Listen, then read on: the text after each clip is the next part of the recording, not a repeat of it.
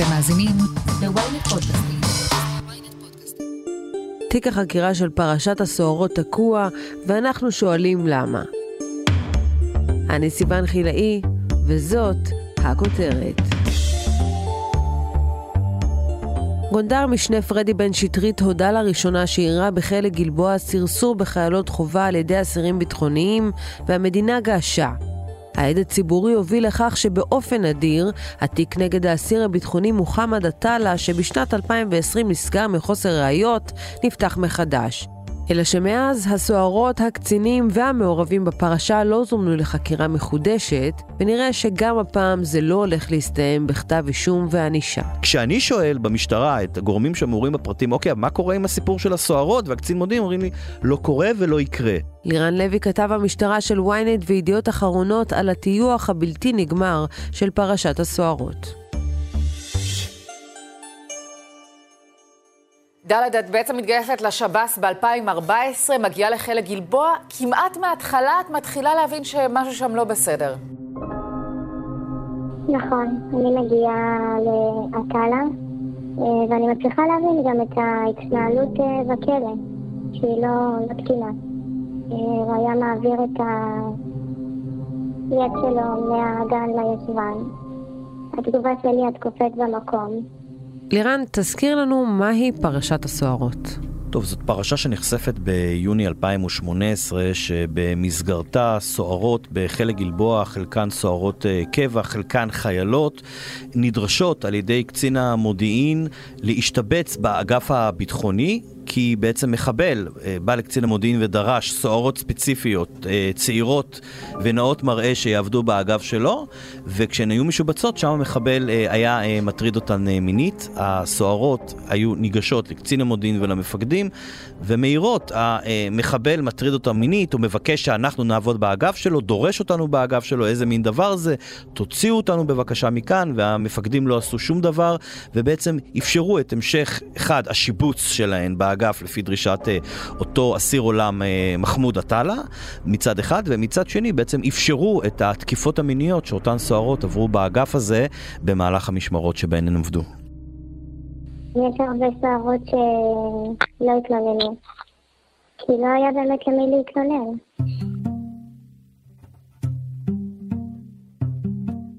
אנחנו רק נגיד שאתה באמת אה, רדפת אחרי הסיפור הזה ודאגת לפרסם אותו כבר אז לפני אה, 4-5 אה, שנים, ומאז נוצר איזשהו שקט, בעצם הסיפור נשכח.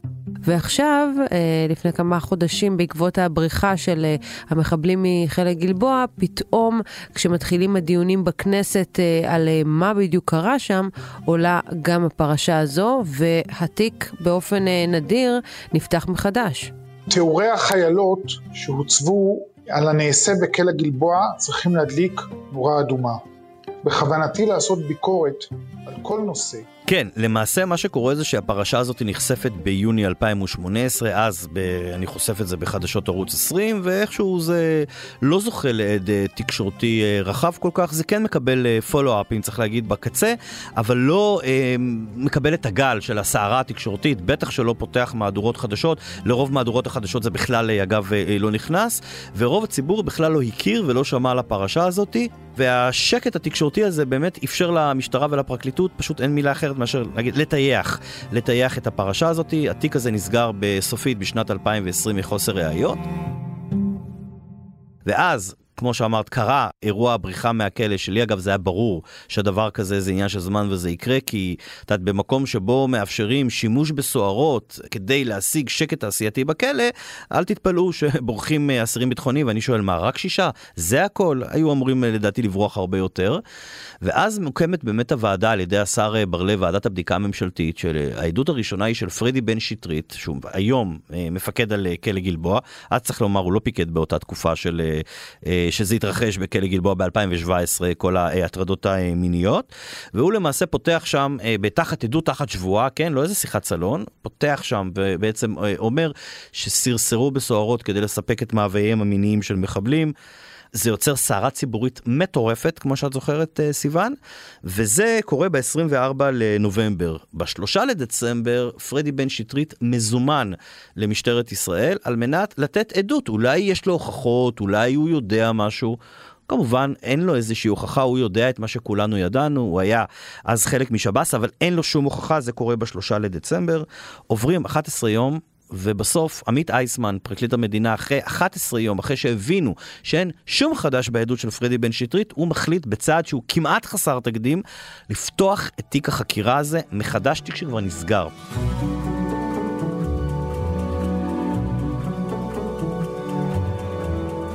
עכשיו סיוון רגע צריך להבין מה זה אומר לפתוח תיק עבירות מין שנסגר על ידי המשנה לפרקליט המדינה לפני כן.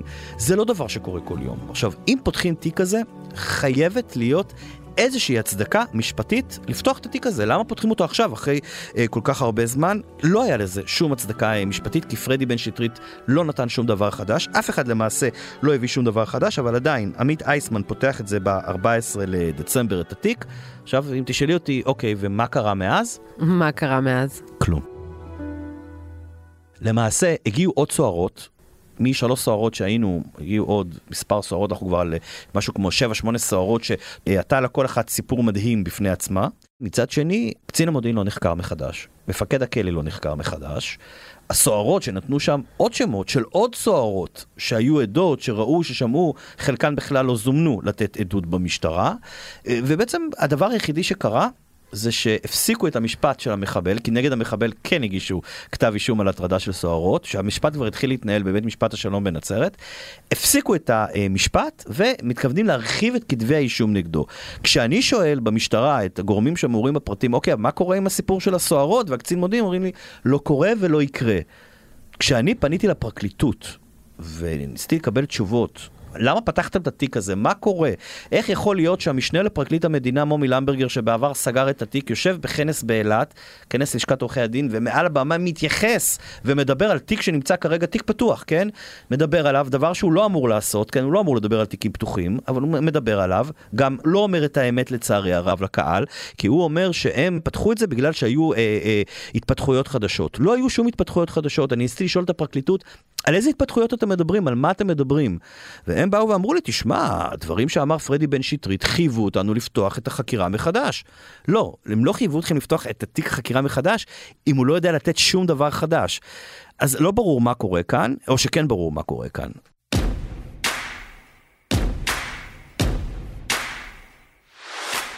משפטו של אה, עטאלה בעצם נדחה בשביל לאסוף עוד עדויות, עוד אה, איזה שהן אה, ראיות אה, שיכולות אה, לגרום לכך שיבנו נגדו תיק יותר מבוסס. בואו רגע ננסה להסביר מי למעשה חוקר את אנשי שב"ס. צריך להבין, מי שחוקר היום סוהרים זה היחידה הארצית לחקירות סוהרים בלהב 433, יח"ס הם נקראים בקיצור, וזו יחידה שמצד אחד עובדת עם שירות בתי הסוהר בשוטף, מעבירים מידעים מודיעיניים על הברחות סמים וכל מיני כאלה, ומצד שני היא גם חוקרת את שירות בתי הסוהר, רק כדי שהמאזינים יבינו כמה הקשרים חזקים. מי שהיה ראש צוות החקירה של פרשת הסוהרות, והיה סגן ראש היחידה לחקירת סוהרים, היום ראש היחידה לביטחון מידע בשב"ס, ולמעשה זה שידע את כל המידע המודיעיני על קצינים סוררים ומה הם עשו, וחקר פרשות חמורות כמו הפרשה הזאת, פתאום עובר להיות חלק משירות בתי הסוהר. אז יום אחד אני חוקר את שב"ס, ויום אחרי זה אני הופך להיות חלק משב"ס, זה כבר מראה כמה הדבר הזה מעוות, וכמה כדאי מאוד שהחקירות האלה יהיו דבר חיצוני. זה לא התיק היחיד אה, שמעורבים בו סגל של שב"ס, הוא מטויח על ידי הפרקליטות. על מה עוד אנחנו מדברים כאן? תראי, יש כמה וכמה פרשות שאנחנו uh, חשפנו uh, בעבר על uh, קצינים בכירים וסוהרים בשירות בתי הסוהר, שאיכשהו פרשיות פליליות שלא מטופלות. למשל, פרשת המין בחלד צלמון, שחשפנו ביולי 2020, נזכיר לכולם על uh, סוהרת בחלד צלמון שננעלה על ביתה במהלך הלילה עם שני אסירים, אגב, שני ראשי ארגוני פשע, עלה חשד שהיא מקיימת איתם יחסי מין, בסוף התגלה שהיא גם קיימה יחסי מין עם אסירים אחרים, קיבלה כסף, קיבלה תכשיטים מאותם uh, אסירים ממש ביצעה אה, עבירות פליליות. אה, היא אמנם פוטרה משירות בתי הסוהר, אבל אה, התיק שלה עדיין יושב בפרקליטות מחוז צפון, ועד לרגע זה עדיין לא החליטו אם להגיש כתב אישום או לא להגיש כתב אישום. כמעט שנתיים, כן? שנה וחצי, זה מטורף הדבר הזה. עוד דוגמה, היה מקרה לפני כמעט שנתיים על סוערת בחיל ההדרים שהכניסה עוגה עם סמים גם לאחד מראשי ארגוני פשע, אחד מהעבריינים. אני זוכר שקראתי את הדברים שאמרה עליה השופטת זוהר סגל דיבון בבית משפט השלום במעצר שלה. דברים קשים מאוד היא אמרה על הסוהרת הזאת ועל המעורבות שלה ועל המידע המודיעיני שהיה לפרקליטות ולמשטרה, אבל מזה לא נשאר שום דבר, שום כתב אישום לא הוגש נגדה. בכיר שב"ס, אשר שריקי, גונדר, מקביל לדרגת ניצב, שהבאנו עליו תחקיר על עבירות מס שהוא ביצע, כספים שהוא קיבל לא כדין במסגרת עבירות המס, על הטרדות מיניות ועל התעמרות בפקודים ופקודות, מה שהביא לפתיחת חקירת משטרה מאוד גדולה בלהב 433 ביחידה לחקירת סוהרים, ולא כל יום פותחים חקירה נגד מישהו שהוא מקביל לדרגת ניצב. לא חקרו את זה כמו שצריך, בינתיים לא קרה עם זה שום דבר, כבר יותר משנה התיק הזה פתוח, ומחכה לאיזושהי הכרעה. אז אנחנו רואים פה איזושהי מעטפת של צמר גפן, שלא ברור לי למה הפרקליטות והמשטרה נותנים לסגל שירות בתי הסוהר. מיד נמשיך עם הכותרת, אבל לפני כן, הפסקה קצרה. שלום, אני עופר שלח. במדינה בה יש פודקאסט לכל אזרח ואייפון לכל ילד, מישהו צריך לדבר על מה שחשוב לנו, האזרחים. אנחנו בכל פרק נשוחח עם דמות בחירה אחרת על סדר היום העתידי של מדינת ישראל, שזו דרך יפה להגיד שנדבר על כל מה שחשוב שהפוליטיקה תעשה בשבילנו, והיא לא תמיד עושה. אז תעקבו אחרי האמת היא בוויינט, ספוטיפיי או באפליקציית הפודקאסטים שלכם. תבואו, תהיה מעניין. האמת היא, עם עופר שלח. עם עופר שלח.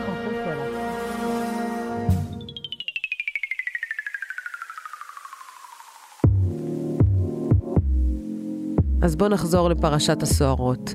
מה עלה בגורלו של אותו קצין מודיעין? אותו קצין מודיעין אה, ישב אחרי שהתפוצצה הפרשה ב-2018, מ-18 עד 2020 הוא ישב בבית. אה, בחופשה כפויה, והוחזר לשב"ס. החליטו להחזיר אותו לשירות בתי הסוהר לתפקיד אה, אחר.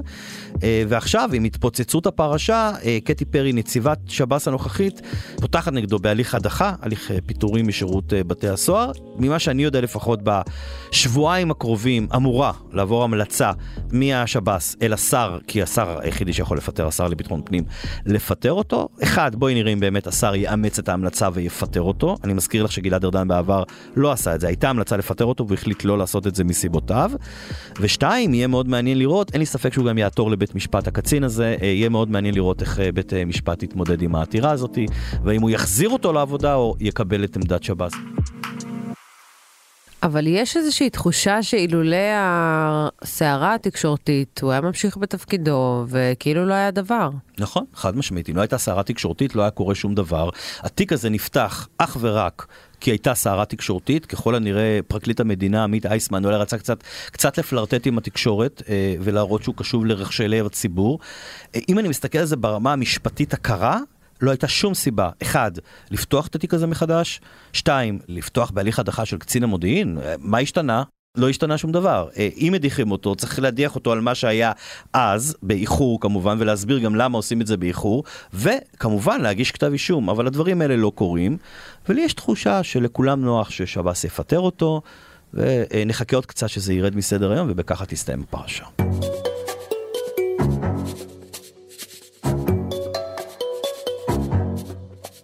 כן, ומה עם יתר המעורבים? אה, מפקד הכלא, כל אה, שאר האנשים אה, שמעורבים בפרשה הזאת, הם נענשו באיזשהו אופן, או לפחות הודחו מהתפקיד שלהם? ממש לא. אף אחד לא הודח מהתפקיד שלו, כולם קיבלו אחר כך תפקידים אחרים, קודמו. אה, מפקד הכלא קיבל אחר כך את הפיקוד על אה, אה, כלא צלמון, אחר כך הוא פרש משירות בתי הסוהר עם פנסיה מפנקת, גם הייתה לו את החוצפה בעיניי ליצור קשר עם שירות בתי הסוהר, אגב, אחרי שהתפוצצה עכשיו הפרשה עוד הפעם, ולשאול אם הם יכולים לממן לו עורך דין, למרות שהוא כבר לא בשב"ס, הוא, התיק נגדו נסגר. אגב, נגדו התיק נסגר מחוסר אשמה, שזאת הזיה מוחלטת. צריך להבין רגע שאחת הסוהרות הועברה לעבוד בלשכה של מי שאז היה מפקד כלא גלבוע, כי היא הלכה והתלוננה על ההטרדות, ומפקד הכלא דאג להעביר אותה ללשכה, שתעבוד אצלו בלשכה, כי הבן זוג שלה גם היה סוער בכלא, והוא לא רצה שזה יתחיל לעשות הרבה בלאגן. זאת אומרת, הוא ידע על הדברים, כולם ידעו על הדברים. עכשיו, אני אה, לא חשוף לכל חומרי החקירה, כמו שבוועדה חשופים לכל חומרי החקירה, והוועדה לבריחת המחבלים, שחוקרת גם את פרשת הסוהרות, הם קיבלו את כל חומרי החקירה, ויושב ראש הוועדה, שופט בדימוס, מנחם פינקלשטיין, קודם כל הוא קורא לזה סרסור, עזבי אותי, הוא אומר היה פה סרסור בסוהרות זה אחד, על פי חומר החקירה, ושתיים, כשהוא רואה אה, את הדברים שאמר מפקד הכלא בחקירה, את הדברים שסיפרו הסוהרות, ובכלל את כל ההתנהלות, אין ספק שהיה פה מקום קודם כל לכתב אישום בוודאות נגד uh, קצין המודיעין, וגם גם כתב אישום נגד מפקד הכלא, ואם לא כתב אישום, אז הדחה עם איזשהן סנקציות, ובטח לא סגירה כזאת של חוסר אשמה, כאילו לא קרה שום דבר, והוא לא ידע שום דבר. איפה האחריות שלו כמפקד כלא? אין לו שום אחריות?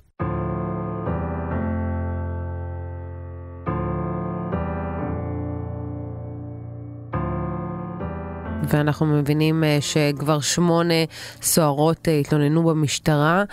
מה הפרשה הזאת, וכמובן הטיוח שלה, עשה להן? זה בעט אותן אה, שלוש אה, שנים וחצי אחורה להתפוצצות הפרשה ב- לנובמבר 2017, כשאז בעצם אה, אירעה הפרשה. הן כבר חשבו, הן היו בטוחות.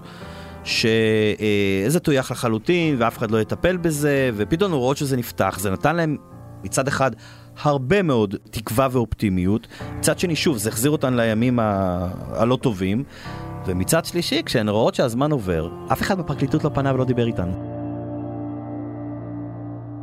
זה פשוט מדהים.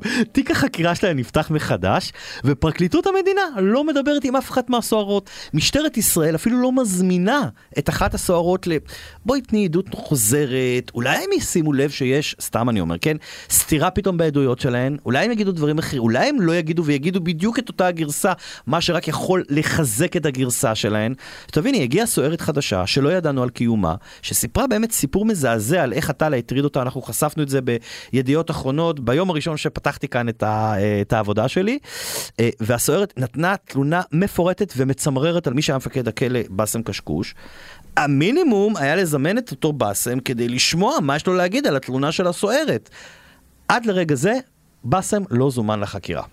הן בעצם קיבלו איזושהי אה, תחושה של תקווה, אולי סוף סוף מישהו יתייחס לזה ברצינות, אבל בסוף עוד פעם יש פה איזו הרגשה שבאמת הדבר הזה יטויח אה, פעם נוספת. מה היית מצפה שיקרה ברמה המשפטית בשלב זה?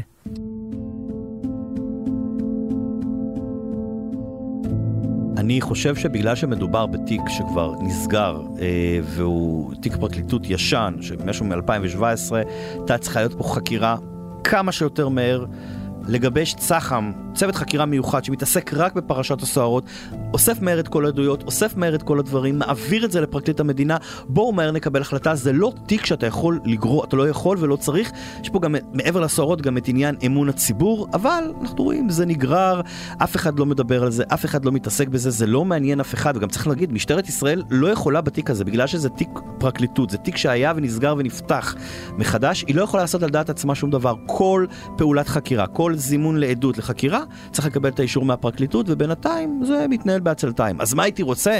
שהתיק הזה יתנהל, ייסגר ושימוצה הדין? לצערי הרב זה כנראה לא מה שהולך לקרות.